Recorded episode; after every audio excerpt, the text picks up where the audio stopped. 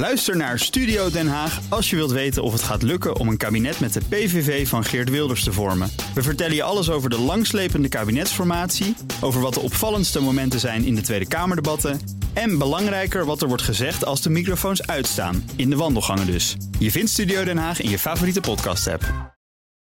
Zaken doen.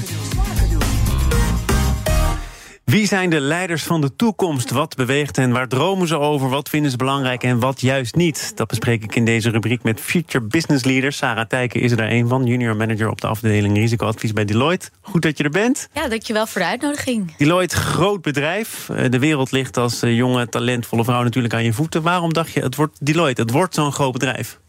Um, ja, ik ben eigenlijk via via terechtgekomen bij Deloitte. Dus uh, via een studiegenootje. Zelf uh, heb ik mijn studies in de publieke sector gedaan. En ik miste nog wel een stukje commerciële ervaring. En mijn studiegenootje raadde aan om dat bij Deloitte te gaan doen... vanwege de leuke werkomgeving en de mogelijkheden die het werken bij Deloitte biedt. Maar je had dus duidelijk een voorliefde oorspronkelijk vanuit je studie voor de publieke sector. Ja, klopt. Hoe, hoe bevredig je dat nog een beetje? Ja, op dit moment werk ik ook voornamelijk in de publieke sector. Um, ik uh, hou me voornamelijk bezig met risicomanagement, zoals uh, ja, risicoadvies al zegt natuurlijk. Maar ik hou me ook uh, voornamelijk bezig met meer strategisch advies op het gebied van risicomanagement en daar onderdelen van.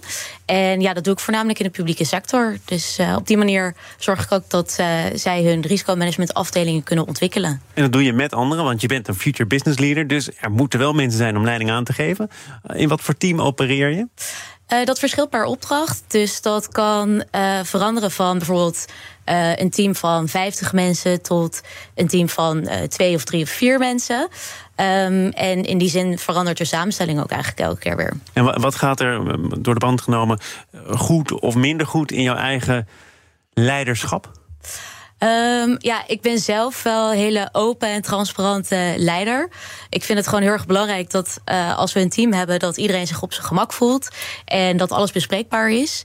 Um, maar heel veel leiders denken dat alles bespreekbaar is, maar dat wordt niet door iedereen altijd zo ervaren. Klopt. Nou, ik, ik zoek ook altijd heel erg veel feedback op. Dus we hebben ook bijvoorbeeld binnen Deloitte een 360 uh, tool.